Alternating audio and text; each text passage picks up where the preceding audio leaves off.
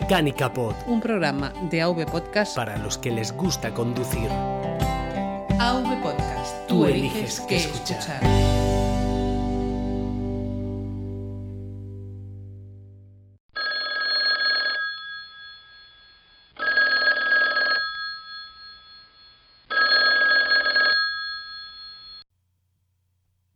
Dígame, ¡Hey! ¿Qué pasa, Pedro? Buenas noches. ¿qué haces? ¿Qué haces, tío? Vaya calor, ¿eh? Buah. Destrozado estoy, destrozado estoy. No me tengo en Sí, pie. En, Vallad- en Valladolid también, ¿no? A tope. Sí, bueno, eh, en Valladolid mucho calor, en Le Mans la leche. ¿En Le Mans? Sí. ¿Has estado en Le Mans? Sí, está en Le Mans. He peregrinado a Tierra Santa. dices? He peregrinado a Tierra Santa. Pero además, esto, pero esto, los musulmanes lo hacen con la Meca una vez a- en la vida. ¿Tú ya estás la segunda vez o qué? Sí, pero mm, hay que renovar la- la- los votos.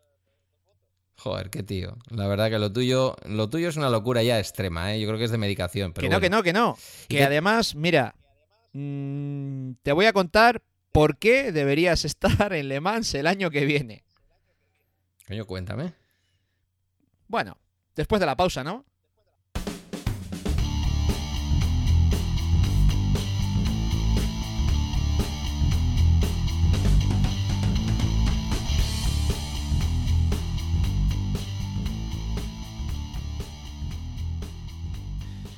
Bueno, pues buenas noches. Hoy es 21 de junio por la noche y yo estoy recientito llegado de Le Mans y yo ya sabéis que yo mi objetivo en esta vida es conseguir que mi vicio sea compartido por más gente y he dicho, pues mira, voy a llamar a Pedro y le voy a convencer para que se venga a Le Mans el año que viene y para eso le voy a contar todo mi viaje. Pues nada mejor que eso. Oye, ¿tienes tarifa plana o te llamo yo? Nada, no hay, no hay problema. Paga José Luis. vale, vale. Ah, bueno, no. va, perfecto. Pagas tú, que eres el jefe. Quiero mi Tesla. No, no, esto que lo pague el sector vallesoletano, no me importa. Bueno, pues yo ya estuve hace dos años en Le Mans, fue mi despedida de soltero. Lo que pasa que, bueno, sobre todo por la inexperiencia, eh, no sabíamos muy bien, pues la vez es que fue un, teaser casi. No, no, no pude disfrutar tanto de, de, de- de- de la experiencia como me hubiera gustado. Eh, me supo a poco. El año pasado quise volver, pero bueno, pues no se dio la circunstancia. Si bien al final una serie de eventos de catastróficas desdichas terminó poniéndome en contacto con el grupo de gente con el que he ido este año. Y bueno, pues eh, claro, cuando vas con gente que ya ha ido muchos años, ellos llevan yendo algunos desde 2008, Madre mía. pues eh, claro, la experiencia es un grado y bueno, pues también quiero no solo convenceros a ti y a los oyentes para que el año que viene o cuando puedan vayan, sobre todo además demostrando que no es tan caro como uno podría pensar. Eh, ya avanzo, yo me he gastado unos 300 euros en, en todo, entre viaje, peajes, eh, comida, eh, la plaza del camping, la entrada, en general unos 300 euros, 300 y poco.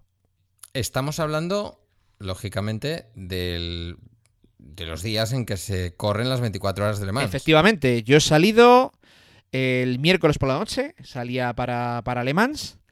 eh, vino, claro, también ese precio sale porque compartes gastos. Eh, si puedes ir con tres o cuatro personas, la cosa cambia evidentemente a ir tú solo. En este caso, de este grupo, eh, los Nerdmans, que me acogieron bajo su ala, pues uno de los integrantes era de Ávila, que se vino en tren hasta Valladolid y eh, de Valladolid subimos hasta Guecho, donde recogimos a, otro.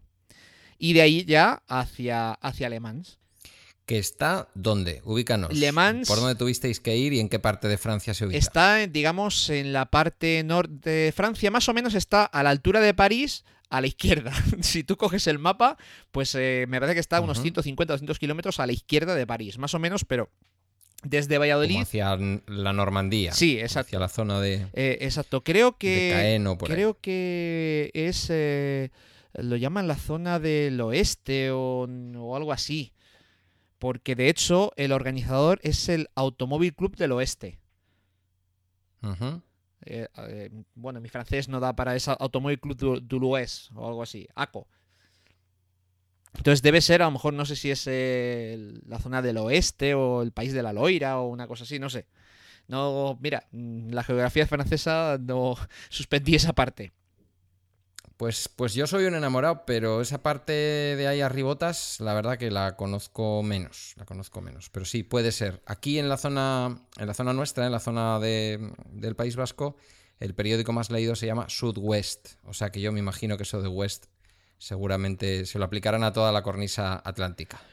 Pues eh, puede ser, puede ser. De hecho, am, había carteles de ese periódico de Subwest este, ¿eh? o sea que...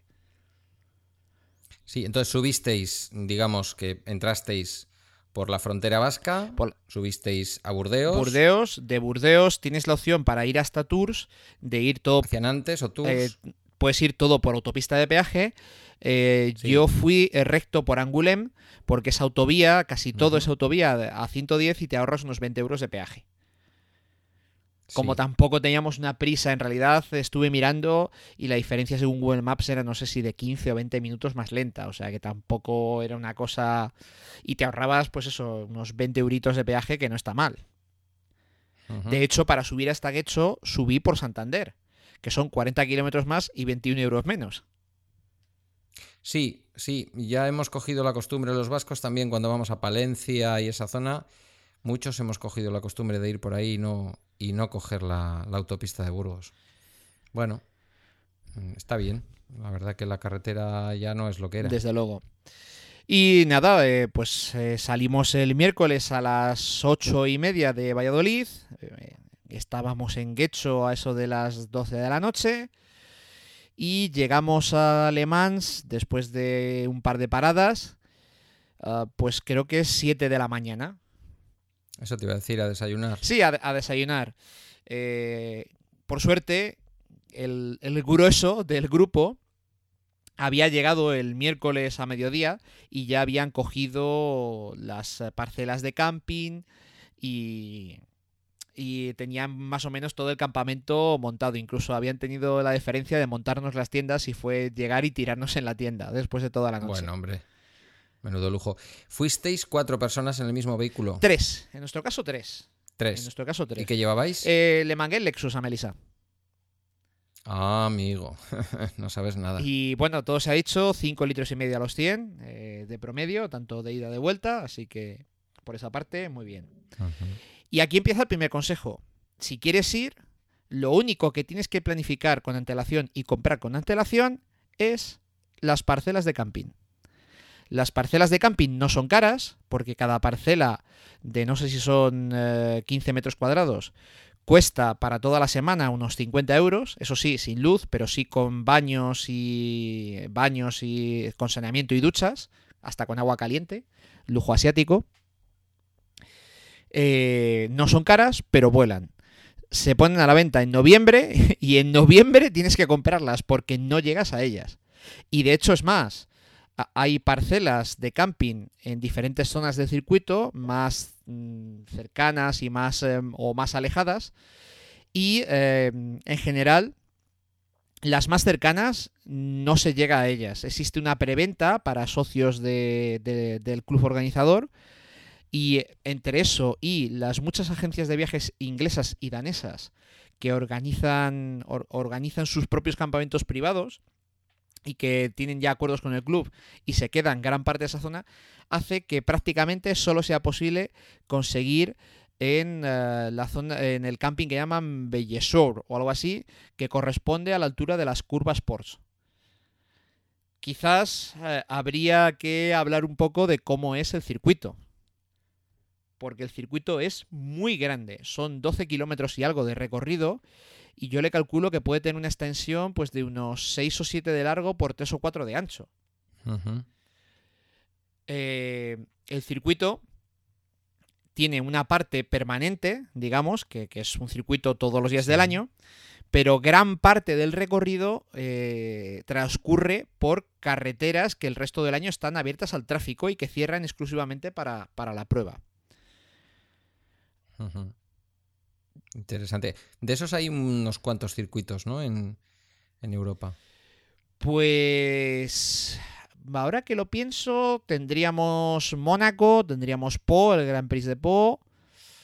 Uh, ¿Y el alemán? Eh, que no me eh, en- bueno, Nürburgring es diferente, porque es un circuito todo el año en el que se puede entrar con un coche de calle, pagando un peaje.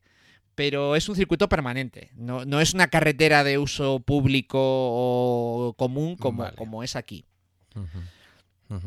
Por describir un poco el circuito, tenemos la recta de meta, una subida hacia derechas, hacia la chicane del puente Dunlop, que se llama así porque hay un puente gigantesco que pone Dunlop, que le habréis visto en muchas fotos. Esa chicane en, en Sí. subida, después de pasar el puente Dunlop, se baja hacia, hacia Terterrus, hacia las curvas de Terterrus, eh, que es una curva derechas, izquierda, eh, otra vez derechas, eh, de velocidad media, rápidas más bien. Es que es un circuito bastante rápido. no tiene zonas muy lentas. Y en Terterrus se encara la recta de los Unadiers, que es una recta de no sé cuántos kilómetros tiene, creo que siete o así, partida por dos chicanes. Eh, la primera chicane, que es a mano, eh, a mano derecha, y la segunda chicane a mano izquierda. Esta recta acaba en Mulsanne, que es un ángulo de, de 90 grados, bastante estrechito.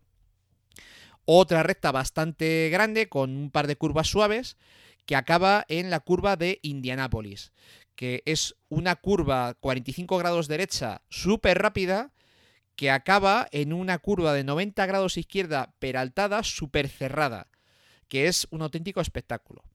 Una mm, recta cortita y un ángulo eh, de 90 grados hacia la derecha, puede que sea la, creo que es la curva más lenta del circuito, que es Arnás.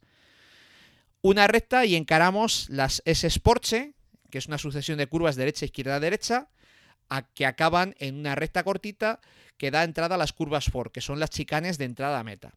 Eh, digo todos estos nombres porque, y de hecho, pues eh, os recomiendo que busquéis un poco un mapa para que os hagáis una idea, porque luego nos iremos moviendo sobre estas curvas y os iré contando un poco los puntos más interesantes de, o de dónde te puedes poner y qué puedes ver.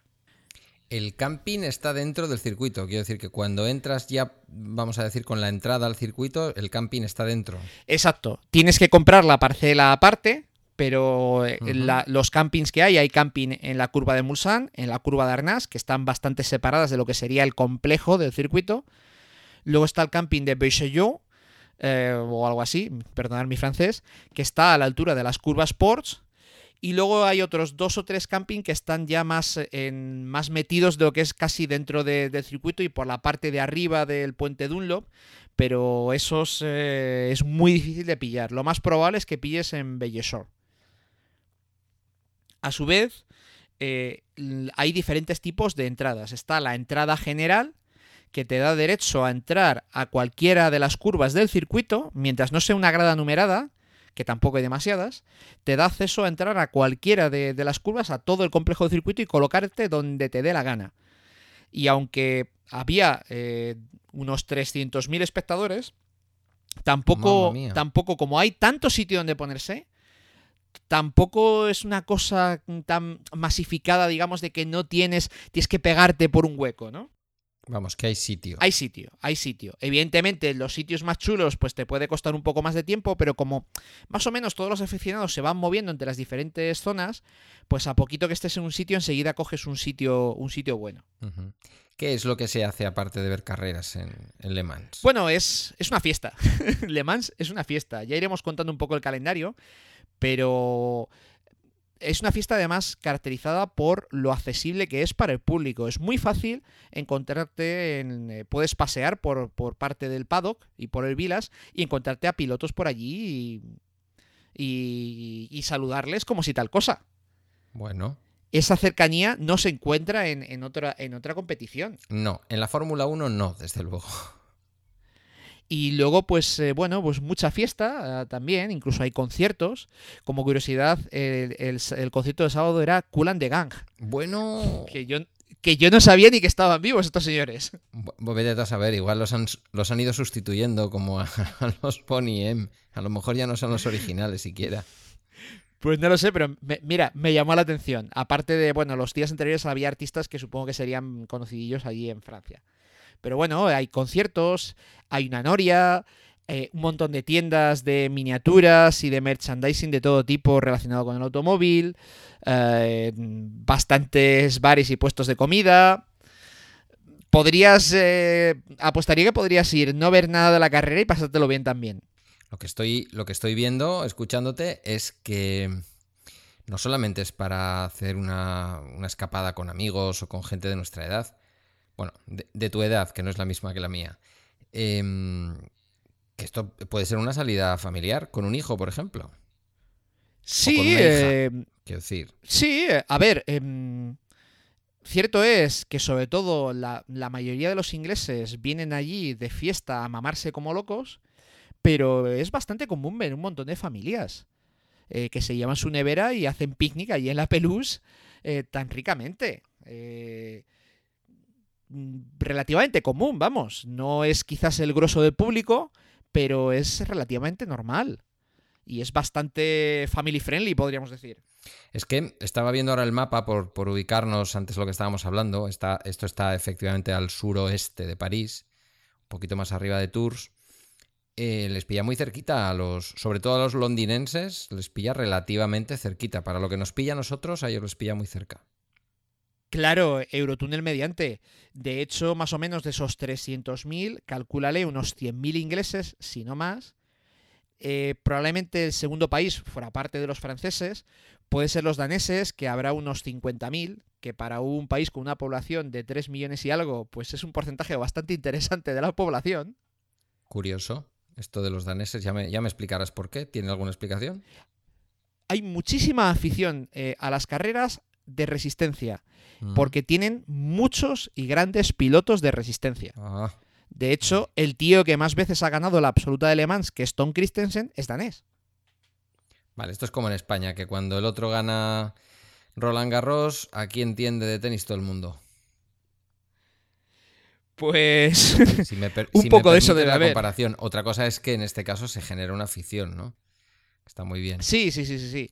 De hecho, además, eh, la mayoría de los daneses eh, van a un campamento organizado, bueno, nosotros lo llamamos jocosamente campo de concentración, un campamento organizado por una empresa danesa que les monta un montón de tiendas iguales, pequeñitas para cada uno y que tienen sus propios eventos privados a los que van los pilotos daneses. Lo de campo de concentración es porque, claro, el campamento danés tiene, tiene alambradas, está lleno de armarios de 2x2 que controlan que solo accedan los de los de los suyos, digamos, y un montón de tiendas iguales con la bandera danesa en el techo. Pues la verdad que con la historia que tienen los daneses con el holocausto, que no fue precisamente una historia maravillosa, meterse en un campo así da cosita, ¿eh?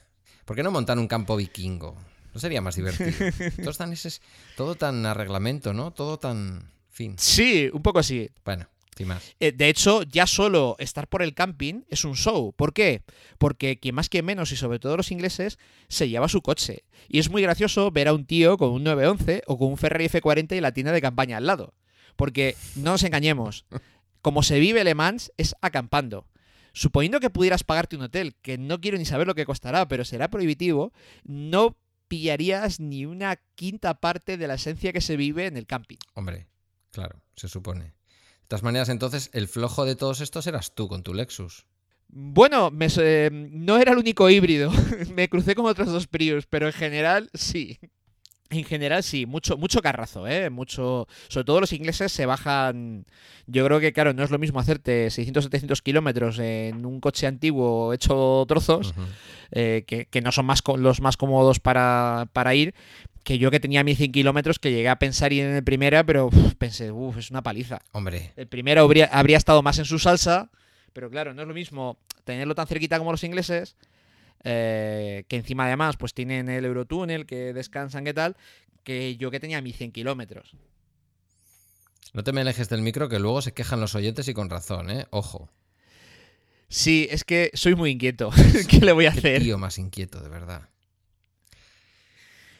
Bueno, pues seguimos un poco. Eh, llegamos el, el- el jueves y eh, ya, di- ya digo, gracias, al, gracias a que estos eh, compañeros ya tenían pillado el camping, un truco para el camping. Aunque lleguéis pronto, no se os ocurra poneros a la entrada. ¿Por qué? Porque eh, todos los coches van a tener que pasar por ahí soltando polvo. es mejor estar un poco más lejos, pero que quedarte lejos del polvo. Ah, muy importante, colocarte cerca del baño, pero no muy cerca. Entendido. A ver si lo he pillado bien. Cerca del baño, pero no muy cerca, y mantenerse alejado del polvo. Ojo que último alejado puede de dar la un entrada. titular, ¿eh? Sí, alejado de la entrada. Porque el, el, el este es un camping como alargado, digamos. Entonces tú para ir al fondo siempre vas a tener que pasar por cachavas por la entrada. Si tú te quedas a la entrada porque llegas pronto y hay sitio, te vas a comer el polvo de todos los que entran y salen. Y créeme, está todo el rato entrando y saliendo gente con los coches. Bueno, pues esa recomendación dicha queda. Esto es como no ponerse a la entrada de la playa. Ya sabes que si no vas a comer arena de niños, de criaturas, de abuelillos y de los no abuelillos. Un poco de eso. Bueno, el jueves, el, miércoles ya hay acción en pista y de hecho, eh, mm, ¿cuándo es recomendable ir? Pues lo ideal es mínimo, mínimo, mínimo salir miércoles por la noche, como salimos nosotros, para estar allí el jueves de mañana. Para el viernes poder disfrutarlo. Hay quien no le queda más remedio que salir el jueves y luego el viernes está, está eh, destrozado. Lo ideal, miércoles por noche para llegar el jueves, incluso si puedes salir antes para llegar el miércoles, mejor. Y pídete el lunes siguiente, porque vas a llegar destrozado. O sea que es como unas JPOZ pero a lo bestia. Sí, eh, bueno, digamos que podrías pedirte tres días. eh, si sales el miércoles por la noche, podrías pedirte tres días, jueves, viernes y, y lunes, asumiendo que esta es una empresa que no trabajes el sábado, en cuyo caso tendrías que pedir cuatro. Y con eso lo harías. Eh, quiero reivindicar, porque cuando he comentado en grupos que me iba alemán, ¡ah, qué envidia! Ya me gustaría. Mira, querer es poder porque no es tan caro. Eh, lo, es costoso en tiempo, porque no todo el mundo se puede pedir o puede disponer por temas familiares de, de, pues eso, de cinco días, tres días de trabajo. Pero en dinero no es excesivamente caro. Bueno, pues oye, dicho queda, quiero decir que no sea por pasta. Una pregunta de intendencia que es importante, teniendo en cuenta además el medio en el que estamos hablando. Eh, Grimbergen, Lefe, mm, Affligem, ¿qué cerveza se bebía? Ah, bueno, pues yo es que soy astemio, así que yo no bebía cerveza. De verdad. Creo que en el circuito daban Kronenburg Bueno, a 8 vale, euros el medio litro más un euro del vaso. vale, sí te iba a decir si la 1664 de Cronenburg, porque en esa zona de Francia probablemente sean más, más chauvinistas con la cerveza. En el resto de Francia yo creo que es más habitual encontrar la cerveza belga, que le da 100.000 vueltas a la francesa, claro. Esto de tu carácter abstemio lo tenemos que hablar luego, ¿eh? No sé si en la nueva temporada renovarás, ya hablaremos. Bueno, pues eh, de hecho, eh, mm, nuestro grupo llevó cosas desde España, pero tampoco demasiadas, eh, porque Le Mans es una población de unos 30.000 habitantes que tiene su Carrefour, que tiene precios razonables como para no ir cargado desde aquí. Claro, Carrefour, Les Mosquetaires que tienen, con mi francés precioso, Lidl. Eh, Superú, tienen todo. sí. Entonces, eh, eh, bueno, pues sí, eh, cierto es, el tema de la cerveza la cobran tan cara y eh, controlan mucho la cantidad de cerveza que se mete al camping, eh, en parte porque no quieren. eh, Durante mucho tiempo se ha convertido en pues en fiesta de ingleses de borrachos que muchas veces ni salen del camping y quieren un poco quitar esa o, o esa impresión tengo yo, quitar ese tipo de público.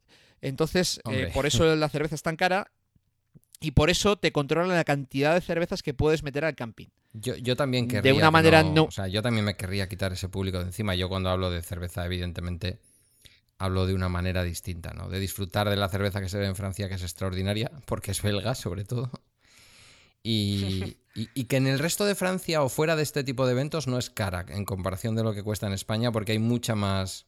Hay mucho más mercado para ella y es, es habitual encontrarla, al- como digo yo, al precio de la San Miguel, que es como compro yo la cerveza belga en, en Iparralde. Pero claro, dentro del evento entiendo que, que el precio sube. ¿Esto es así solo con, con el alcohol? ¿Es así con la comida que se puede que se puede consumir en los locales de comida o en los chiringuitos que monten? ¿O cómo está esto?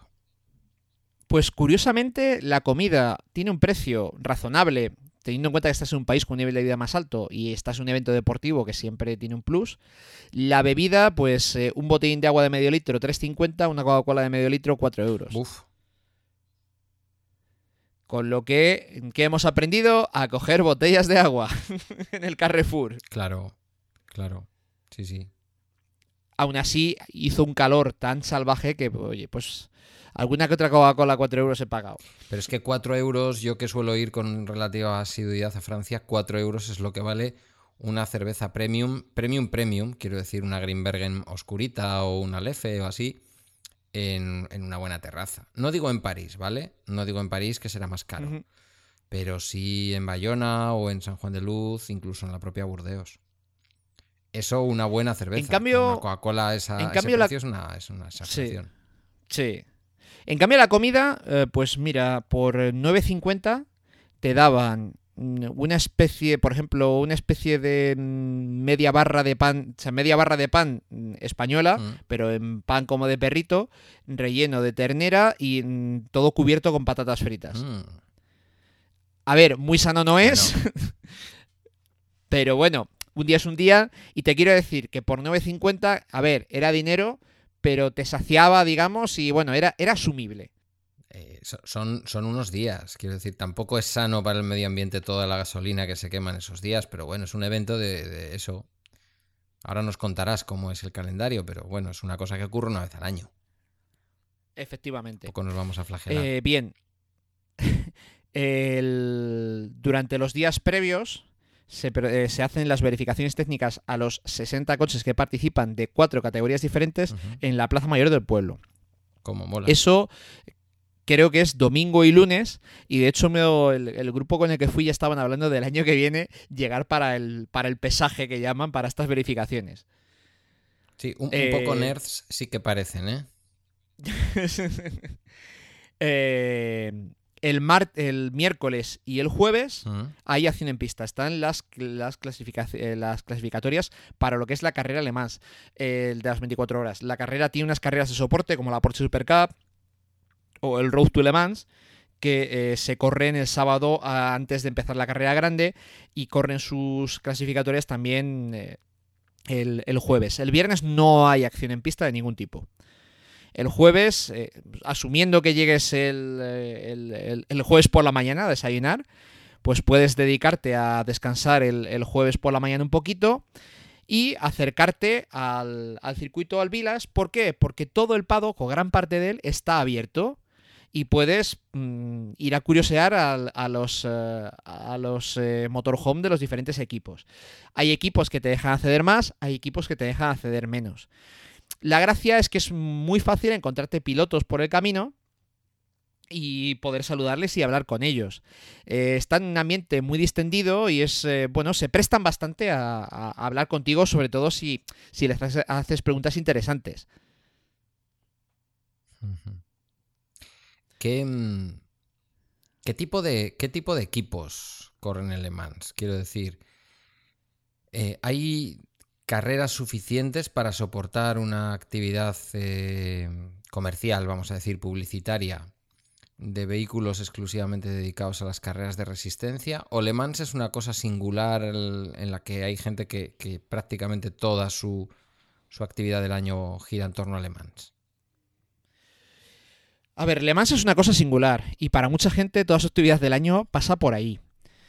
Pero, dicho esto, eh, existe un mundial de resistencia. eh, digamos que mm, prácticamente el reglamento de ese mundial de resistencia lo pone el ACO, el, club organizador. Y bueno, pues las marcas, eh, las marcas que, ponen, tienen equipos oficiales, pues las hacen correr el resto del año. Pero más bien sirve casi como preparación para Le Mans que- que otra cosa. Hay que tener en cuenta que en Le Mans corren cuatro categorías distintas con ritmos muy distintos a la vez. Empezando de mayor a menor está la categoría LMP1, que es la categoría principal, en la que los coches por reglamento han de ser híbridos, son estos que tienen forma así de prototipos raros, que serían como un fórmula carrozado. Ah, más o menos tienen en el entorno de los 1000 caballos entre motores eléctricos y, y gasolina. y completan esos 12 kilómetros y algo en el entorno de los 3 minutos 18, 3 minutos 19. No está mal. Luego existe, bueno, existe algo intermedio que este año solo había un fabricante, que es el MP1L, que es una categoría destinada a equipos privados sin apoyo de fábrica a los que no les obligan a llevar eh, una motorización híbrida, pueden llevar un motor normal. Esta categoría el año que viene habrá más, pero este año solo había uno. Y además duró cuatro vueltas, así que fue algo meramente anecdótico. Pobre tico mío. Después está la categoría LMP2. Bueno, LMP1 de fábrica este año había 5. Y eh, eh, este LMP1 privado llevamos 6. Después había 25 LMP2. Esta categoría es una categoría eh, controlada, en el sentido de que solo todos corren con el mismo motor. Y hay, me parece que tres fabricantes de chasis o cuatro disponibles. Y con un coste limitado. Son coches que cuestan medio millón de euros en orden de marcha. Que si lo piensas, para lo que es competición, es barato. Sí, para, para este Seamos tipo de competición, de alta competición, desde luego. Sí, es barato. Y em, la cuestión es que el organizador esta- eh, categoriza a los pilotos en diferentes rangos. Platino, oro, plata y bronce. Pues bien, en el MP2 no permiten mm, que toda tu alineación de pilotos sea del mismo nivel, sea, sea de alto nivel. Tienes que tener al menos, eh, bueno, hay una serie de, de juegos que puedes hacer entre platas, no, pero digamos que tienes que tener parte de los pilotos, tienen que ser eh, de, de- de rango bajo.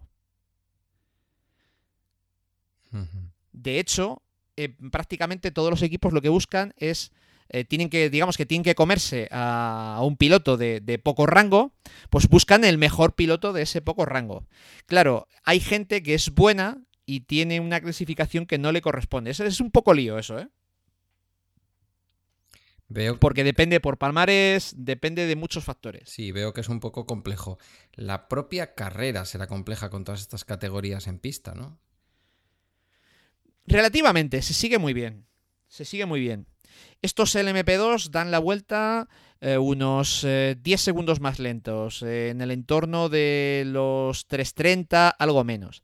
Se da la circunstancia de que en realidad en recta son un pelín más rápidos que los LMP1, pero los LMP1 son tan rápidos en curva que le sacan esos 10-15 15 segundos de diferencia. O sea, no necesitan ir tan rápido, digamos. Después está la categoría GTE Pro. Esta categoría son coches derivados de la serie, eh, grandes turismos, está Chevrolet Corvette, eh, Ferrari, no recuerdo ahora qué modelo es de Ferrari, porque le van cambiando, creo que es el 488, Porsche 911, Aston Martin, eh, ese, ese tipo de cosas. El Ford GT, coches derivados de la serie. En esto ha habido cierto cachondeo, porque por ejemplo el Ford GT que ganó el año pasado, para considerar que se deriva de la serie, evidentemente tendría que haber una, una cantidad de vehículos construidos de, de calle, ¿no? Claro. Vale, pues estos no los habían hecho todavía, pero prometían, prometían que los iban a hacer. Ya que iba a ser un coche de serie, pero no lo buscas en los concesionarios que no lo venden ni aquí ni en Estados Unidos. Sí, bueno, ahora les están empezando a entregar, pero esto es- va a hacer un poco que se cargue la categoría, porque claro, Porsche, eh, como son coches derivados de la serie, Porsche, los Porsche 911, llevan el motor descolgado por detrás del eje trasero. Ajá. lo cual no es la posición más óptima salvo en caso de bajo agarre como lluvia, Sí. lo que les lastraba bastante. Entonces, claro, Porsche ha llegado y ha dicho, oigan, si a Ford les vais a dejar hacer lo que les haga las narices, permitirme a mí un 911 con motor central, aunque no haya ningún 911 con motor central de calle. Ya. Que es pervertir un poco la norma, porque la norma quiere que sean vehículos derivados de serie, porque eso es lo que tiene su encanto, ¿no? Sí, al final yo creo que lo que están haciendo es, mira, que por fuera parezca de serie, aunque por dentro haya otra cosa. Porque ya se habla de que el Corvette, que lleva motor central delantero, eh, pueda pasar a tener eh, motor central trasero para el año que viene, que es lo más ideal. Yo, desde luego, mm, yo era muy combativo con esto del Porsche con motor 911 con motor central, me parecía una herejía hasta que le he oído. Porque madre del amor hermoso como suena. Si ese es el pago que tenemos que hacer para para, eh, para que el Porsche esté, pues mira, yo le pago encantado, ¿eh? Bueno. Está claro que De hecho, gusta, ¿no? Ver estos grandes coches que al final... de hecho, mira, voy a, voy a hacer una cosa que va a quedar súper cutre, que voy a reproducir un vídeo que grabé a- al micro. A ver si se oye y a ver si tú lo oyes.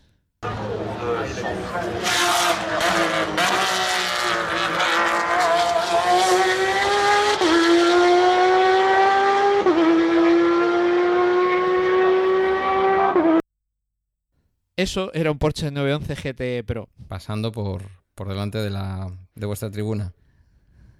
Sí, en este caso por las curvas Ford y acelerando por la recta de salida. Sonaba que daba gusto, leches. Porque, por ejemplo, el, el, el Ford GT sonaba a cascajo.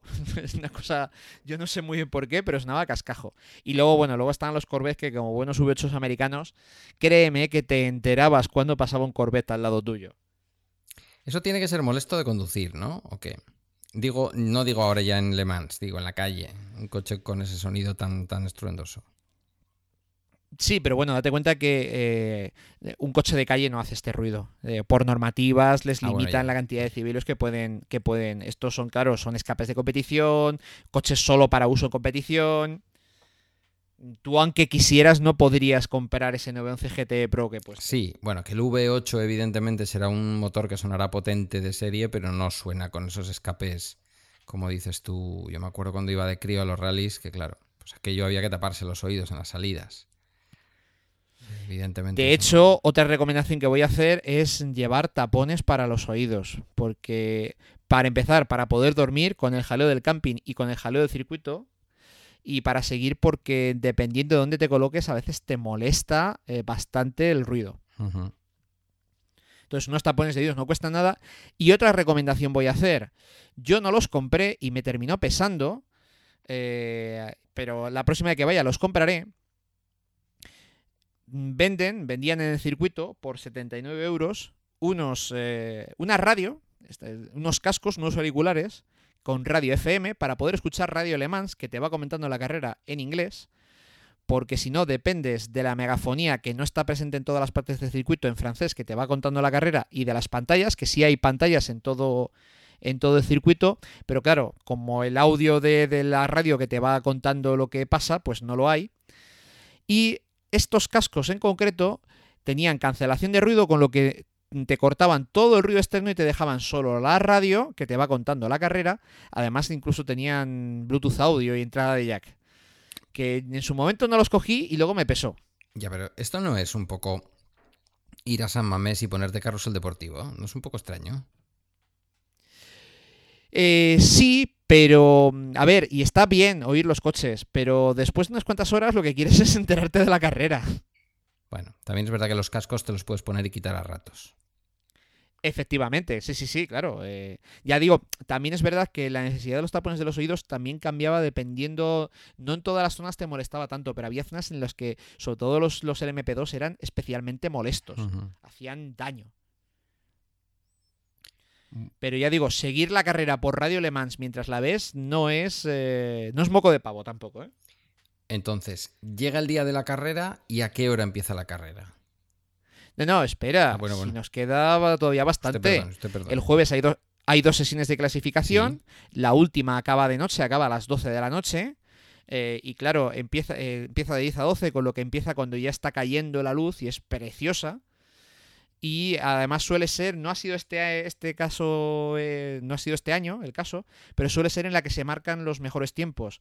Con el fresquito de la noche, eh, cuanto más eh, fresco está el aire, más aire entra, más potencia tienen los coches y eh, todavía está la pista caliente y hay agarre. Entonces, este año el, el tiempo, que además ha sido el tiempo récord, 3.14, eh, récord de, de la pista en su formato actual, hecho por Kamui Kobayashi, eh, fue justo al acabar la primera sesión de clasificación que iba de 6 a 8 de la tarde.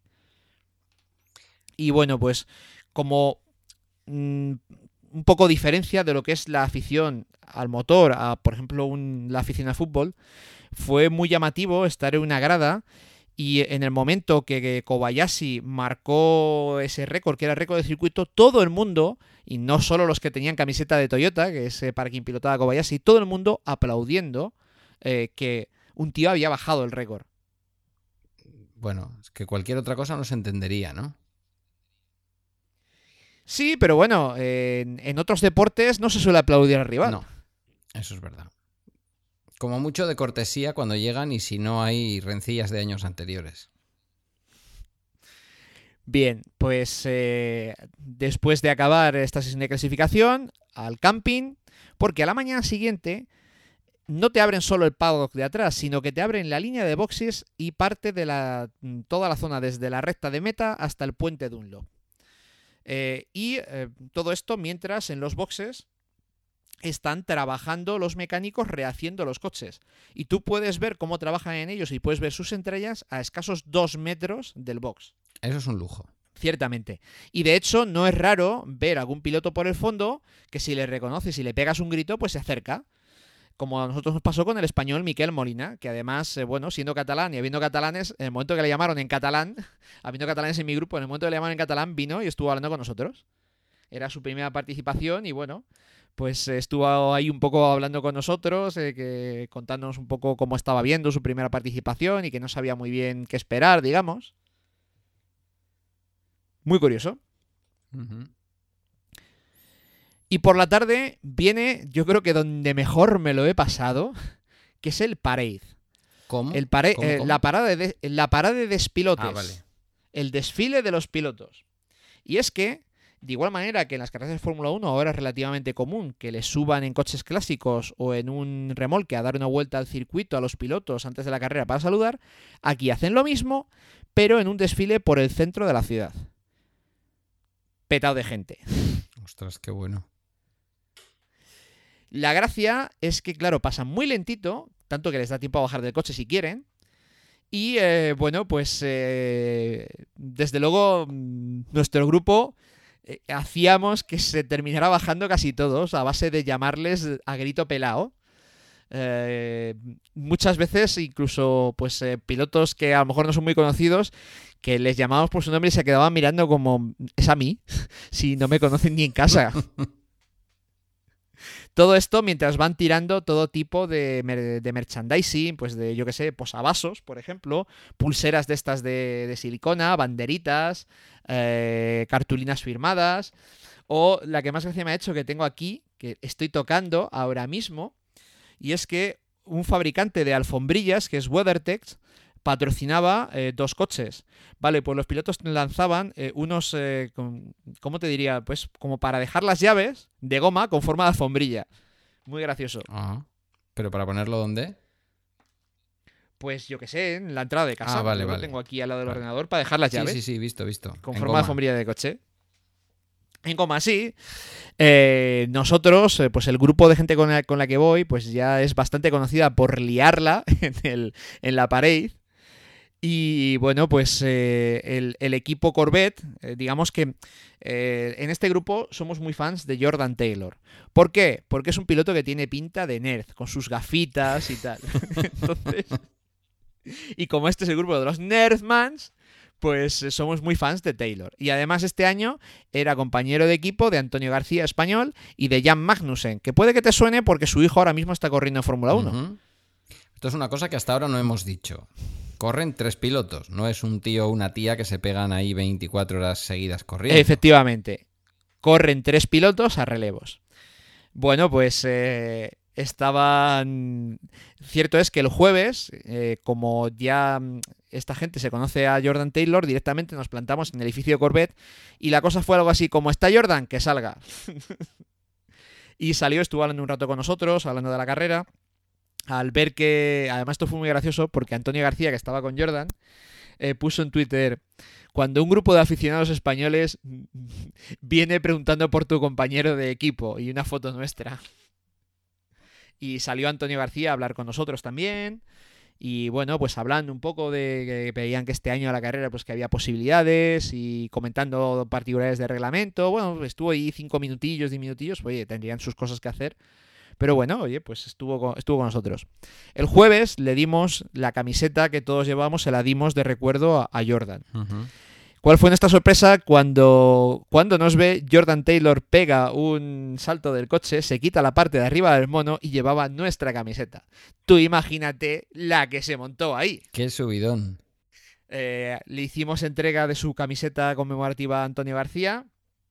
Que además el hombre de, de primero nos la firmó pensando como que quería que se la firmamos, diciendo que es para ti. Qué bueno.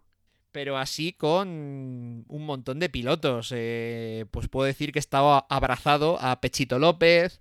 eh, Cristina Nielsen nos ha dado unas pulseras a cada uno. Nick Tandy de Porsche eh, se abrazó a nosotros y nos firmó unas cuantas. Mm, es un ambiente súper cercano que no ves en otras categorías. Te iba a hacer una pregunta y me la has puesto a huevo hablando de Cristina. ¿Cómo está el tema de las mujeres en, en el automovilismo de resistencia y concretamente en las 24 horas de Le Mans? Pues me hace mucha gracia que me hagas esta pregunta. Porque precisamente estos días hay una cierta... mm, ¿Cómo te diría? Una cierta polémica. Y es que, bueno, no hay tantas como... Porque es, es una cosa, mira, eh, recuerdo hace poco un 360 grados en el que eh, José Luis hablaba de los... de- eh, precisamente esta noticia que ha habido de un equipo de fútbol de, chicas que había ganado la liga y que no les dejaban continuar. Eh, es y, que mm, las chicas tenían comentaban que tenían que aguantar cómo incluso las madres de los eh, jugadores rivales las decían que se fueran a casa a fregar. Mira, no conozco ni un solo aficionado a las carreras que al que no le parezca bien incluso le guste ver chicas compitiendo. Fíjate, son la mitad de la humanidad, ¿no? Sí, sí. Y la- por desgracia hay muy pocas compitiendo, pero ninguno tenemos ningún problema porque estén compitiendo y de hecho querríamos ver más. Bueno, eh, unas cuantas son muchas ya casi, ¿eh? Porque compararlo con otros con otro tipo de pruebas de automovilismo, quiero decir, en la Fórmula 1 mm, En la Fórmula 1 no, ha- no, hay, no hay ninguna. Vale, en, eso me parecía. en Le Mans este año est- en, en Le Mans estaba este, este año estaba Christina Nielsen solo, otros, otros años ha habido un par. Eh, por desgracia, pues eh, ya digo, no hay tantas como nos gustaría.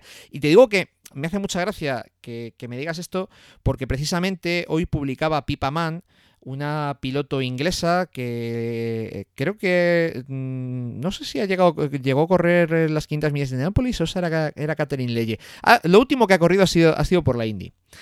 En la que, porque claro, el automovilismo es de los pocos deportes en los que las mujeres se pueden medir de tú a tú, eh, de, de- de manera igual, con, con los hombres. Me estoy acordando de aquella francesa que corría el Mundial de Rallys, Michelle Mouton.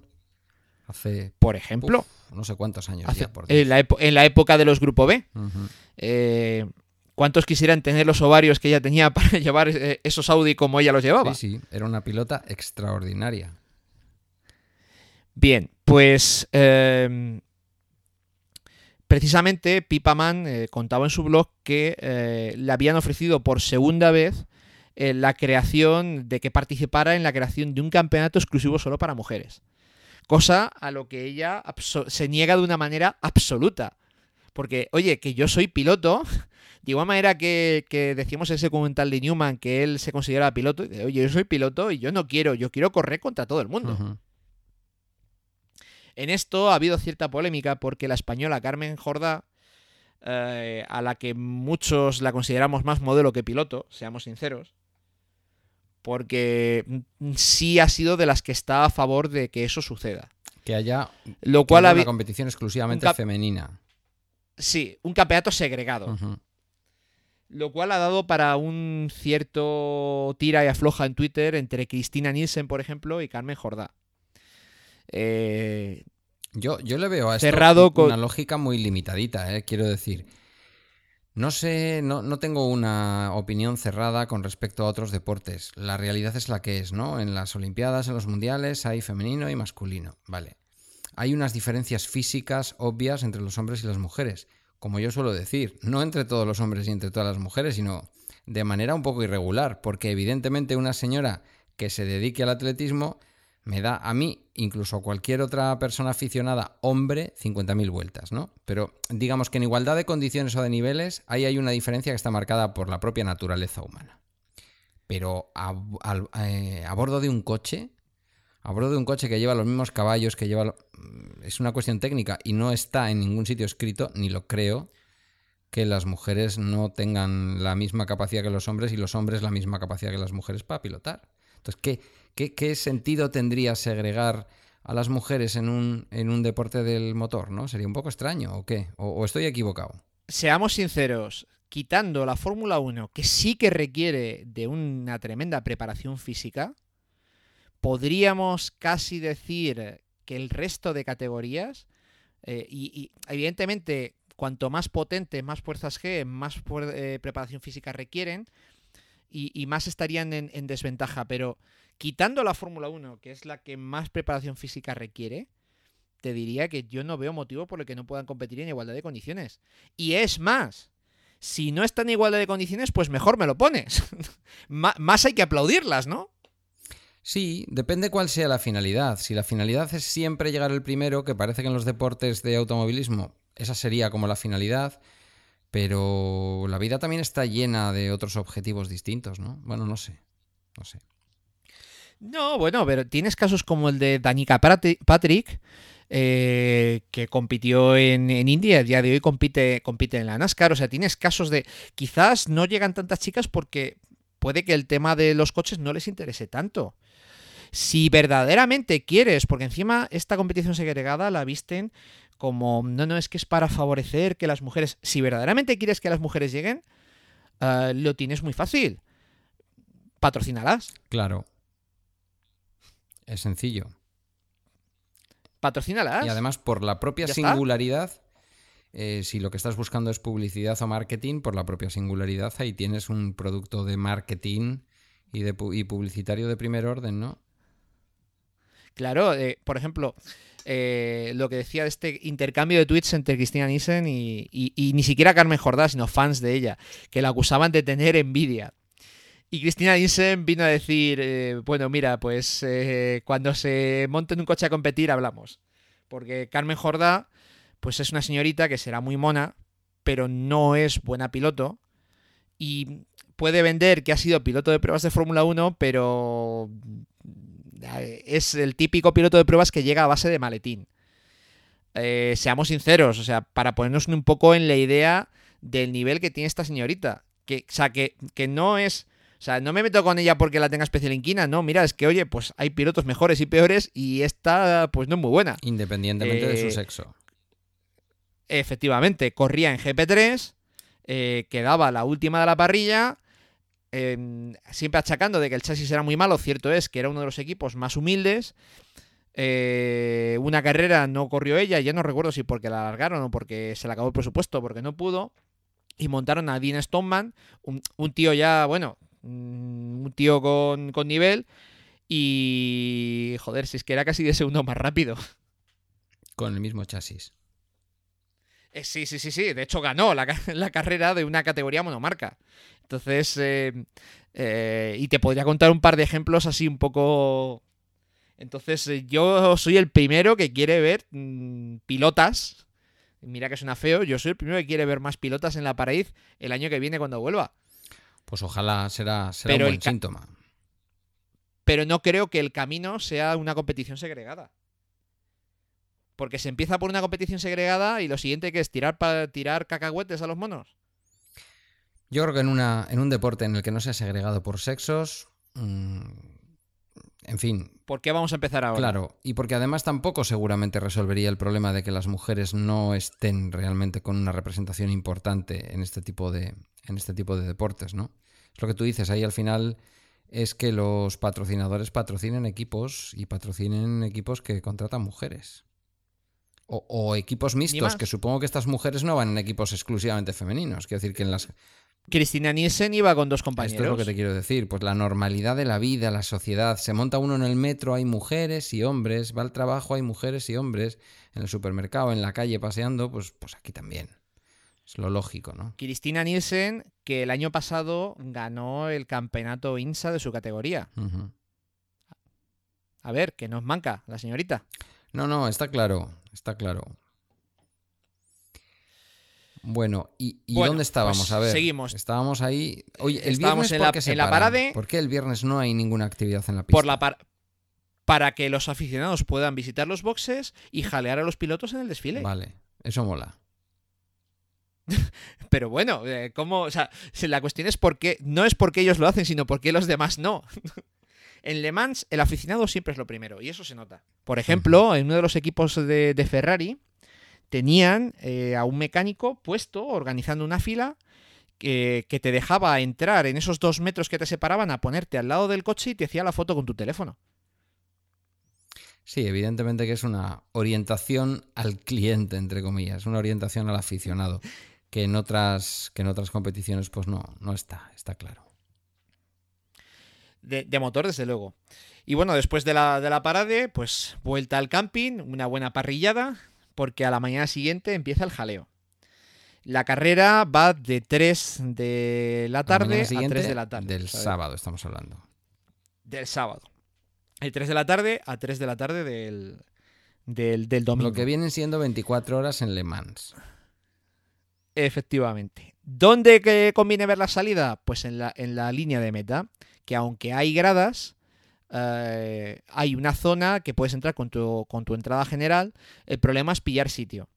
Si vas en un grupo mm, pelín grande como éramos nosotros, que éramos 14, pero que apostaría que puedes hacer lo mismo con 6 o 7, ¿qué hicimos nosotros? Pues una parte se fue muy prontito a coger sitio. A eso, pues creo que a las 9 y media estaban allí ya, 5 o 6.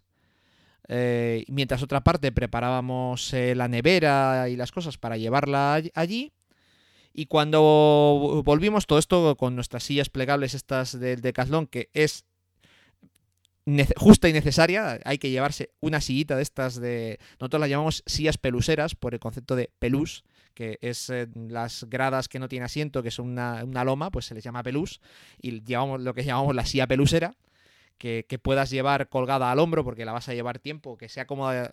Yo me fui al Decathlon y probé la que me resultaba más cómoda de llevar al hombro. Bueno, pues una vez se plantan, se plantan las sillas, más o menos, siempre y cuando no abuses demasiado, no haya un tío para 10 sillas, claro. Pues nosotros llegamos un poco después ya con la nevera preparada y los que habían estado allí a toda la solana, porque el problema de Sagrada es que hasta las 3 de la tarde da un sol de morirse, pues se fueron a dar una vuelta. Y así fuimos turnándonos poco a poco hasta que llegó la, la salida. El procedimiento de salida es espectacular, porque no solo eh, se, eh, se colocan todos los coches de manera oblicua a la pista con sus mecánicos formando y se da el himno francés, sino que además se les da la salida se les da la salida y van detrás del safety car lentito y mientras dan esa vuelta que dura casi 10 minutos eh, pasan varias cosas. La primera es que te ponen una música muy épica. Llega un helicóptero del ejército francés, se bajan cuatro militares de- descolgándose en tirolina para dar la bandera de Francia con la que se va a dar la salida. Para después, una vez que el helicóptero hace unas piruetas y se va, poner la música de... mm, Ay, ¿cómo se llama esta película? De 2001 Odisea en el espacio. Eh, todo esto mientras los coches están rodando por el circuito lentitos det- detrás del safety car. Y mm, lo calculan para que el momento más épico de la música coincida con el momento en que los coches están llegando a la línea de salida, les dan la bandera y salen corriendo. O sea que es una salida en marcha. Efectivamente, es una salida en marcha, pero t- o sea, lo, lo que he contado no llega a alcanzar lo que se vive. Los pelos como escarpias, te veo ahí completamente emocionado. Los pelos como escarpias, efectivamente. Bien, ahí ya daba, la sombra y estuvimos, pues yo creo que estuvimos casi hasta las 5. Lo bueno, al ser un grupo moderadamente grande, pues que puedes irte al baño o a dar una vuelta, porque justo detrás de, la línea de meta hay un montón de tiendecitas, de miniaturas, de merchandising, que bueno, pues está bien dar, una vueltilla. Yo hace un par de años llegué a pillar una carrocería de coche radiocontrol y todo. Este año no ha habido, no ha habido manera de pillar nada de radiocontrol. A Nosotros a eso de las 5 y algo decidimos cambiarnos de curva. La verdad es que con el calorazo que hacía nos teníamos que haber quedado ahí a la sombra un poco más de tiempo, pero bueno. Nos, nos fuimos hacia la zona de- del puente Dunlop. Eh, estuvimos por allí colocados. Bueno, es la gracia, te vas, te vas moviendo. Nosotros eh, fuimos cambiando de curva a curva. Siempre, pues un poco, al ser un grupo tan grande, pues cada uno iba un poco colocándose donde, donde quería. Gracias al fin del roaming, pues como tenemos el grupo de WhatsApp, íbamos informándonos de dónde estábamos para al menos que el grueso del grupo, eh, pues eh, saber dónde estaba el grueso del grupo para, para juntarnos, digamos. Qué, qué antiguo me suenas, chico, de verdad, ¿eh? ¿Cómo se nota que no teníais Vodafone? Bien, eh, ya caída la noche, nosotros decidimos irnos a Mulsan, que es la otra punta del circuito y para lo que hacía falta el coche. Allí cenamos en una pizzería que estos ya tenían controlada y nos pusimos a ver la carrera eh, de noche. Pero de noche una zona que al estar en la otra punta del circuito carece de iluminación. Eso Y te iba a es, preguntar. o sea, ¿El circuito tiene unas zonas iluminadas, otras no? Es, sí, la zona, las zonas permanentes tienen algo de iluminación, sobre todo la recta, y el resto no. Tras. De hecho, buenos faros tienen los coches. De, como curiosidad, hubo una, una anécdota. El domingo por la mañana, cuando salíamos del camping para ir a ver la llegada, en el coche teníamos puesta Radio Le Mans y entrevistaron a Rubens Barrichello, que andaba por allí, que este señor ya se había jubilado de la Fórmula 1. Y bueno, la entrevista fue algo así como sigue. Hola Rubens, es un placer tenerte aquí con nosotros. Bueno, cuéntanos tu primera experiencia en Le Mans. ¿Vas a volver el año que viene? A esto le siguen un montón de vaguedades, de tirar pelotas fuera, de bueno, yo es que el coche no es tan competitivo como yo quería, si acaso el año que viene, si me dan algo más competitivo. Y hay un momento en el que suelta, pero es que por la noche está más oscuro de lo que yo pensaba. Claro, porque estos están acostumbrados a, a que no han tenido carreras de Fórmula 1 por la noche y cuando en Malasia y en estos sitios las han puesto, eh, la iluminación artificial, que- no es evidentemente la luz del día, pero, pero es muy potente. ¿no? No, no es lo mismo que conducir ahí a pelo por la noche. Claro, ni a que te venga otro de una categoría más rápida y te pase, como una exhalación. Claro. Eh, luego además te terminó rematando con un, bueno, es que el circuito es muy largo y me duele el pie de acelerar. Madre mía. Está mayor, sí, definitivamente. La sensación es esa, es, mira, he venido aquí engañado y a mí no me volvéis a ver el pelo acá, pero bueno. Eh, de, de Mulsan, pues eh, nos fuimos a Arnas y yo, mira, ya Arnas, las 5 de la mañana, hacía fresquito, yo estaba en pantalón corto, dije, cuatro voluntarios para ir conmigo al camping, por llenar el coche. Eh, y nos fuimos al camping a dormir. A la mañana siguiente recogimos un poco todo y a eso de las 12 de la 1 estábamos ya en el circuito para ver la llegada en la línea de meta, que además fue una llegada espectacular. Estuvieron batallando en GTE Pro, estuvieron batallando hasta la última, la última vuelta.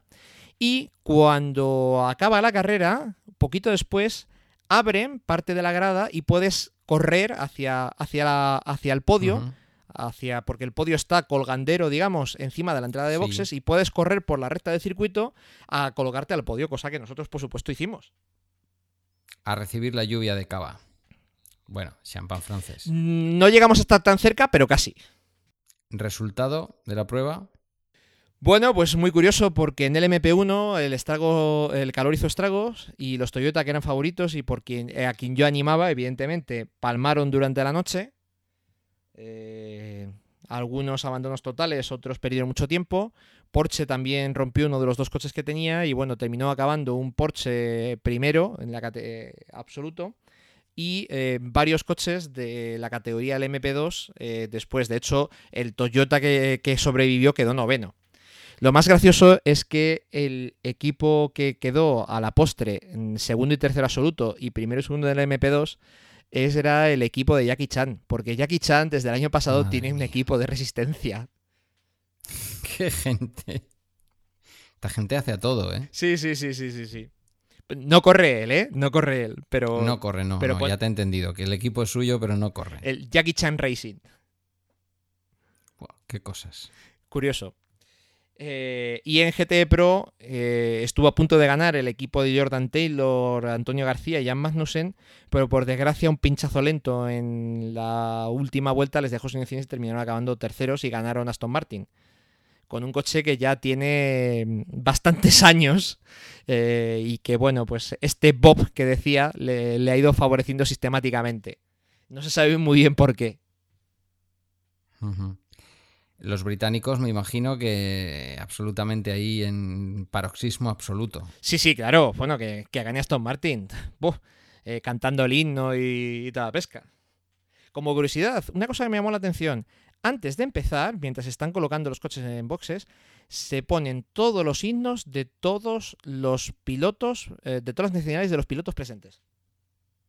Pues puede durar un ratito, ¿no? Sí, sí, sí, pues dura un ratito, ¿eh? se tiran media hora poniendo himnos.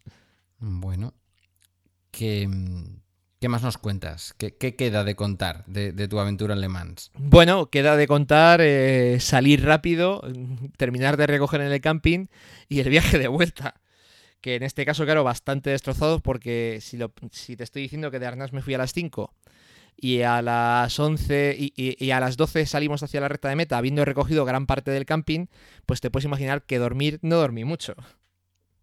Hombre, 24 horas de Le Mans. Esto es una cosa que ocurre una vez al año, 24 horas seguidas. No te vas a poner a dormir. Hubo gente de, nuestro grupo que no durmió nada o apenas. Eh, bueno, fuera parte de lo que dormitaron en, en, en las pelús. Consejos, resumiendo mucho. Eh, la entrada no solo no hace falta que la compres con antelación, la entrada general, sino que te recomiendo que la compres allí porque te la dan impresa y aguanta bastante más que un folio imprimido. Y además venden unas funditas uh -huh. de plástico por un euro para colgar la entrada y que luego te, te queda de, de, recuerdo. Eso sí, llévate un, un lanyard de estos, un, para, para colgar la, la, la, típica cinta para colgar el móvil, para, para, colgar la entrada con su fundita de plástico, porque la vas a tener que enseñar cada vez que entres y salgas de, de diferentes zonas de circuito con lo que al final es muy práctico llevarla colgada de cuello. Si no, también puedes comprar, eh, comprar lanyard allí. Yo compré el, el, oficial de la edición de la carrera y me costó 7 euros, que bueno, pues no es tampoco una cosa que se vaya de madre, ¿no? Y así pues te queda recuerdo. Bueno, Pero bueno, bien. si te lo llevas de casa, desde luego yo el lanyard y el plástico para el año que viene ya lo tengo. No te vayas, no te vayas. Se va a cabrear nuestro oyente. ¿Qué te me vas? Que no te oigo ni yo. eh interesante llevarse una radio o comprar esta de los 79 euros. En principio me pareció cara, pero luego he estado revisando por ahí y una radio FM con cancelación de ruido como la que probé resulta que no era tan cara. ¿eh? Si dominas el inglés, desde luego, oír la carrera con los comentarios de Radio Le Mans es cuando menos interesante. Imprescindible. Porque subtítulos en castellano no ponen. ¿no? no, me temo que no.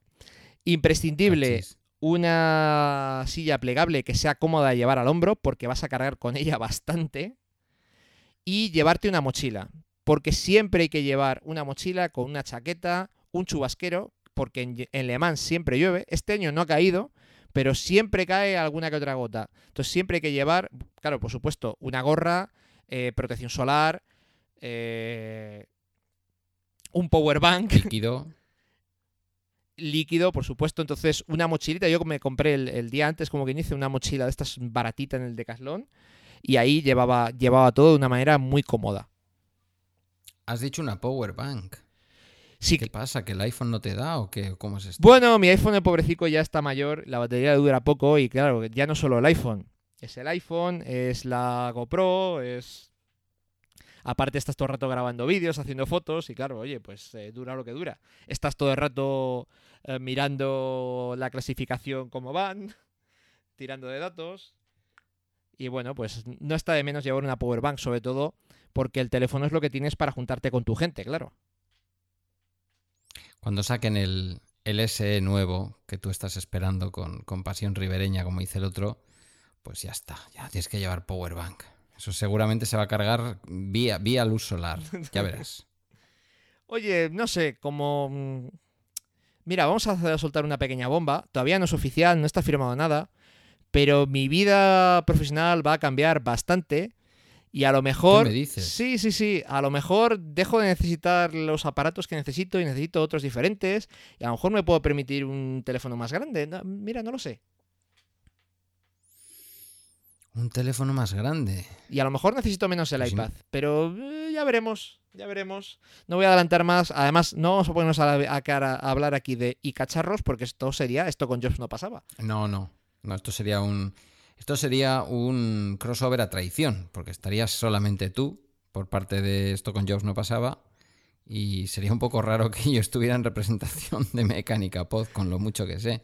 O sea que vamos a dejarlo, sí. Sí, pero bueno, mm, sí puedo decir, así, que si todo sale como debe, tendré un coche Mm. menos.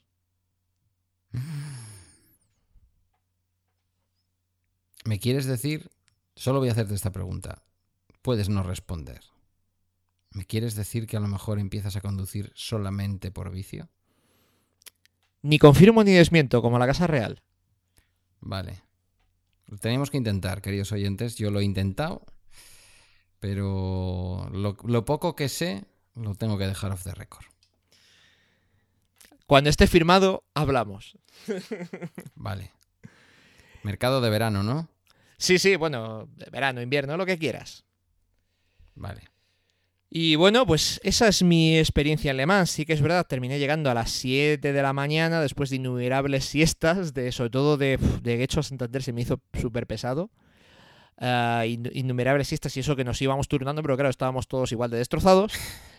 Eh, Eres, eres un friki. O sea, de todo el viaje desde Le Mans, que hay que llegar de Le Mans a Tours, de Tours a Poitiers, de Poitiers a Burdeos, de Burdeos a la frontera en el País Vasco, entrar en España. O sea, y luego llegar hasta tu pueblo de Valladolid. Bueno, capital, que luego se me enfadan los vallisoletanos. Lo que se te hizo pesado fue de Guecho a Santander, que son 50 minutos. bueno, oye, pues es donde me empezó a entrar, a entrar la modorra. Sí te diré que a la ida, Joder, de verdad. me lo- los 1100 kilómetros me los hice yo solito. No dejé que nadie cogiera mi coche. Los acompañantes todo el rato. Bueno, Te lo iba a que, preguntar antes. que ya fíjate, conduzco yo, si eso. No, no, que, que voy bien, tranquilo, que si me das conversación yo aguanto. Y estaban allí todos con los dientes largos. No, si yo. Que no he conducido nunca un Lexus híbrido. Bueno, al final lo, otra ter- vida. lo terminaron conduciendo, ¿eh? A, a la vuelta. Pero a la ida yo me encontraba Bueno, bien, está bien. me iban dando conversación. Digo yo, mientras me encuentre bien, vamos tirando, vamos tirando, vamos tirando, que a mí no me cuesta. Como el anuncio de BMW, si a mí me gusta conducir, que decía el otro. Pues sí, no, además el Lexus es muy cómodo, todo se ha dicho. Y bueno, pues esa, Lo, esa lo ha sido- tomaré en cuenta. esa ha sido mi experiencia, ya digo. Eh, la entrada cuesta, la entrada general cuesta 82 euros. Cada año la suben 7, así que el año que viene costará 89. Pero te da acceso durante mm, pues toda la semana a todas las partes que no son tribuna, con lo que yo creo que podemos decir que es barata. Una plaza de camping de 15 metros cuadrados, que si vais 3, por ejemplo, cuesta 50 euros. Eh, eso sí, el problema es que, que eso sí que hay que pillarlo en noviembre. El viaje, nosotros con el Lexus desde Valladolid hemos gastado ida y vuelta unos 120 euros de gasolina y de peajes me parece que salían 45 cada 45 euros cada cada, cada trayecto. Claro, Con un buen depósito, te diría yo que entrando por la frontera de Irún, si llenas en España, mm, solamente necesitarás un repostaje en Francia, que siempre es un poquito más caro. yo con el Lexus llenamos en Guecho y llenamos al llegar a Le Mans. Bueno, y luego volviste a llenar ya en España. Ya en Guecho otra vez. Pues eso. Sí. Entonces, eh, bueno, si te das cuenta, pues fíjate, entre gasolina y peajes estaríamos hablando de unos 200 euros a repartir entre tres. Eh, ¿Qué te vas a gastar en de camping, de, de comida, haciendo compra? ¿40 euros por persona?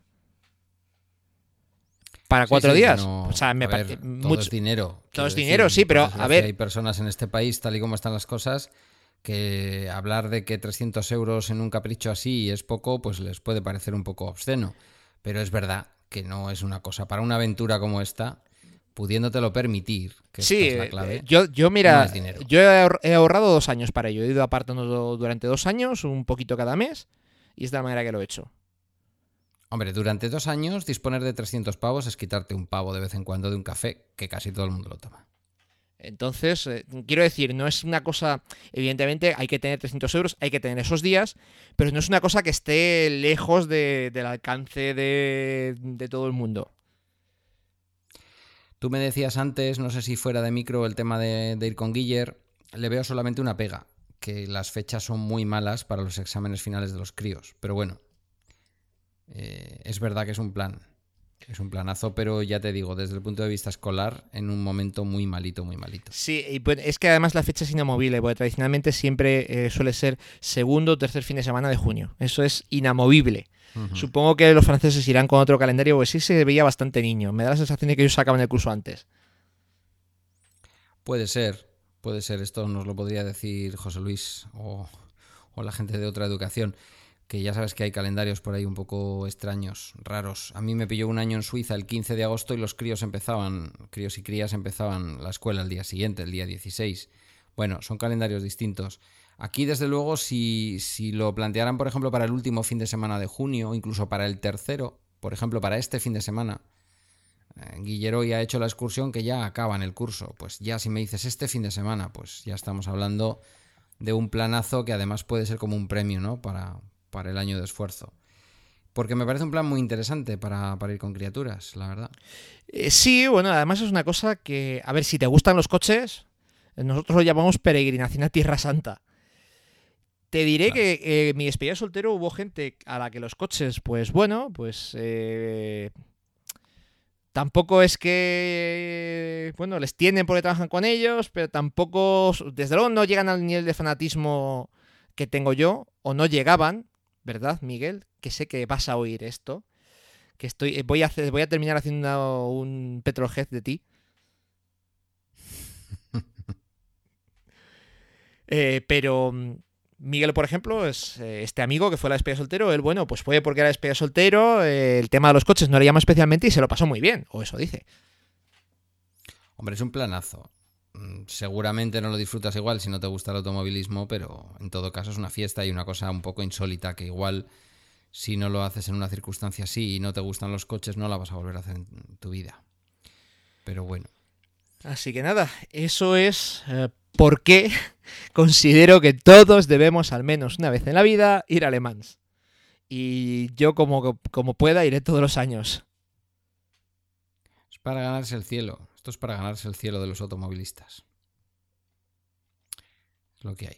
como curiosidad Bueno, que íbamos a hacer un episodio corto Sí, sí, sí. y llevamos un ratito, ¿eh? Como curiosidad, eh, me llamó muchísimo la atención encontrarme un stand de Tesla en el Vilas del circuito. Uy, madre mía. Cómo aprieta Tesla, ¿eh? Como curiosidad, eh, todos los años hay lo que llaman el garaje 56, que no siempre se llena, en el que solo pueden participar eh, eh, coches fuera de reglamento, cosas experimentales, digamos. Bien, pues este año no había ninguno. El año pasado en ese garaje 56 participaba con un LMP2, un cuádruple amputado, eh, o sea, un señor que eh, le había amputado las piernas por debajo de las rodillas y los eh, brazos por, por pasando los codos, compartiendo equipos con personas sin ningún tipo de, de tal, pero con el coche adaptado para él. Y eh, este año no había ninguno, y, pero para el año que viene hay un prototipo de Panoz completamente eléctrico con batería extraíble y que cambiará de batería en boxes. Solo por eso bueno. ya hay que ir. Una pregunta que igual te sienta mal. ¿Algún año ha ganado un Audi Diesel o, o Sí, estoy equivocado? eh, eh, más de los que me gustaría admitir. La categoría absoluta, no ninguna sí, sí, categoría no, no, la rara categoría creada absoluta, para sí. diésel ni. Sí, sí, la categoría absoluta la ha ganado Audi varias veces con, con el Audi Diesel. De hecho, la primera victoria de un híbrido la tiene Audi, si bien eso es muy discutible porque el sistema híbrido de Audi era muy de pega, casi podríamos decir. Muy start-stop de- del Seat León. No, bueno, eh, lo tenían, por decir que lo tenían, pero en realidad se sospecha que durante la carrera ni lo usaban, que lo llevaban ahí porque el reglamento decía que había que llevarlo, pero que en realidad no, no, no tiraban de él. Yo personalmente considero que la primera victoria de un híbrido es la del Porsche 919 de 2015. Bueno. Pues tú eres el experto, chico. ¿Qué quieres que te diga? Pero bueno, esto es muy discutible. Pues, pues nada, habrá que apuntarse un año a habrá que apuntarse a. Ya me has dicho que fuera de fecha no merece mucho la pena, pero, pero, mm, bueno, pues hay que decir que si el viaje se hace en coche, te pillan Gulema de por medio, que tiene una catedral preciosa, te pilla la zona del Loira y oye, si después de visitar Le Mans te alargas un poquito y te vas a, Normandía y a las playas de, de la Bretaña, pues oye, es un, es un pedazo viaje, ¿eh? Es un pedazo viaje. Y si no, siempre puedes ir única y exclusivamente a la carrera. Sí, también, también, también, pero es lo que te digo, mm, que no siempre se puede por fechas, pero bueno, Bueno, yo si el, si el año que viene te quieres venir, aunque sea tú solo, porque Guille tiene cole, te hacemos un hueco, ¿eh? me lo pienso. Tengo un año entero. Bueno, pues yo creo que con esto ya hemos dado razones más que suficientes para que o se vayan a alemán nuestros oyentes el año que viene o nos dejen de escuchar, una de las dos cosas, por llamarme pesado. Bueno, no, también hay un intermedio y es que alguien escucha una historia que yo, personalmente, mm, había oído millones de veces hablar de las 24 horas de Le Mans, incluso había visto alguna peli, creo yo, pero nunca nadie me había contado una, una experiencia personal de estar en Le Mans y a mí, a mí personalmente que me la has contado me parece muy interesante. Ha merecido la pena la llamada, fíjate, estoy por pagarla yo. Bueno, pues yo creo que hasta la próxima, que va a ser eh, una cosa muy especial con la que cerraremos la temporada. Y cerraremos la temporada por dos motivos. El primero, porque hace un calor de morirse, como para estar aquí, y yo no tengo aire acondicionado, como para estar aquí grabando mucho tiempo. Y el segundo, por ese cambio que decíamos en mi vida profesional que me va a tener un poco liado. Y yo creo que hasta septiembre, después de este programa especial que haremos, hasta septiembre yo creo que vamos a cerrar la temporada sintiéndolo mucho. ¿El especial para cuándo será, más o menos? Pues no depende de mí, pero mediados de julio se, se habla. Mediados de julio. Eh, tendremos una... Si todo sale bien, tendremos una persona muy interesante y haremos un formato diferente. Ya veréis cómo sorprendemos. Bueno, bueno. Ya, ya tengo los dientes largos, fíjate. Bueno, pues hasta la próxima. Din don, din don. Si has llegado hasta aquí, tengo algo para ti. Si os acordáis, decía que durante la pared todos los pilotos lanzaban cosas, pues cogí para vosotros. Concretamente, tengo dos juegos de posavasos del equipo JMW Ferrari y eh, pulsera de eh, Ford GT de Le Mans. Y los sortearé entre todos los que dejéis un comentario en la entrada de navpodcast.net eh, barra mecanicapod, en la entrada de este episodio, todos los que dejéis un comentario, lo sortearé y y os lo enviaré a casa. Ahora sí, adiós. AV Podcast. Sonido en red.